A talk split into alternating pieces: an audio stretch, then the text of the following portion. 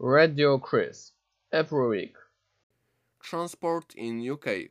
We spoke last time about all the capital's subways in the British countries. Today's topic is the Megabus. I am Chris and this is the Radio Chris program. Megabus is the coach operator connecting some British cities. London, Victoria Coach Station, Liverpool, Liverpool One Bus Station, Manchester Shudehill Interchange, Sheffield Meadowhall Interchange, University of the West Britain in Bristol, Newcastle upon Tyne, the Central Library, Leeds, Leeds City Bus Station, Glasgow, Buchanan Bus Station, Aberdeen Union Square Bus Station.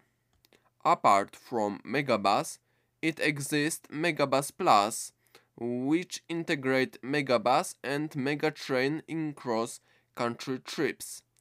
It connect lines.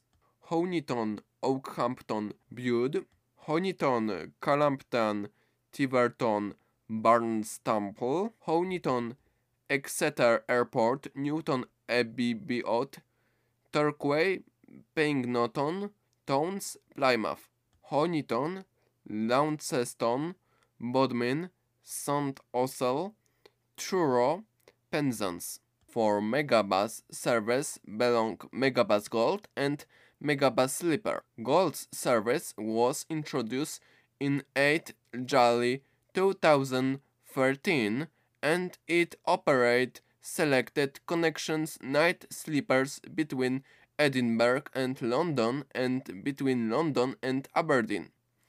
Sometimes buses of gold appeared on some daytime lines.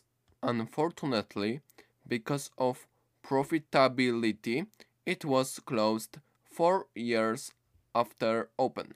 Between London and Glasgow at night you can drive sleeper bus belonged to Megabus.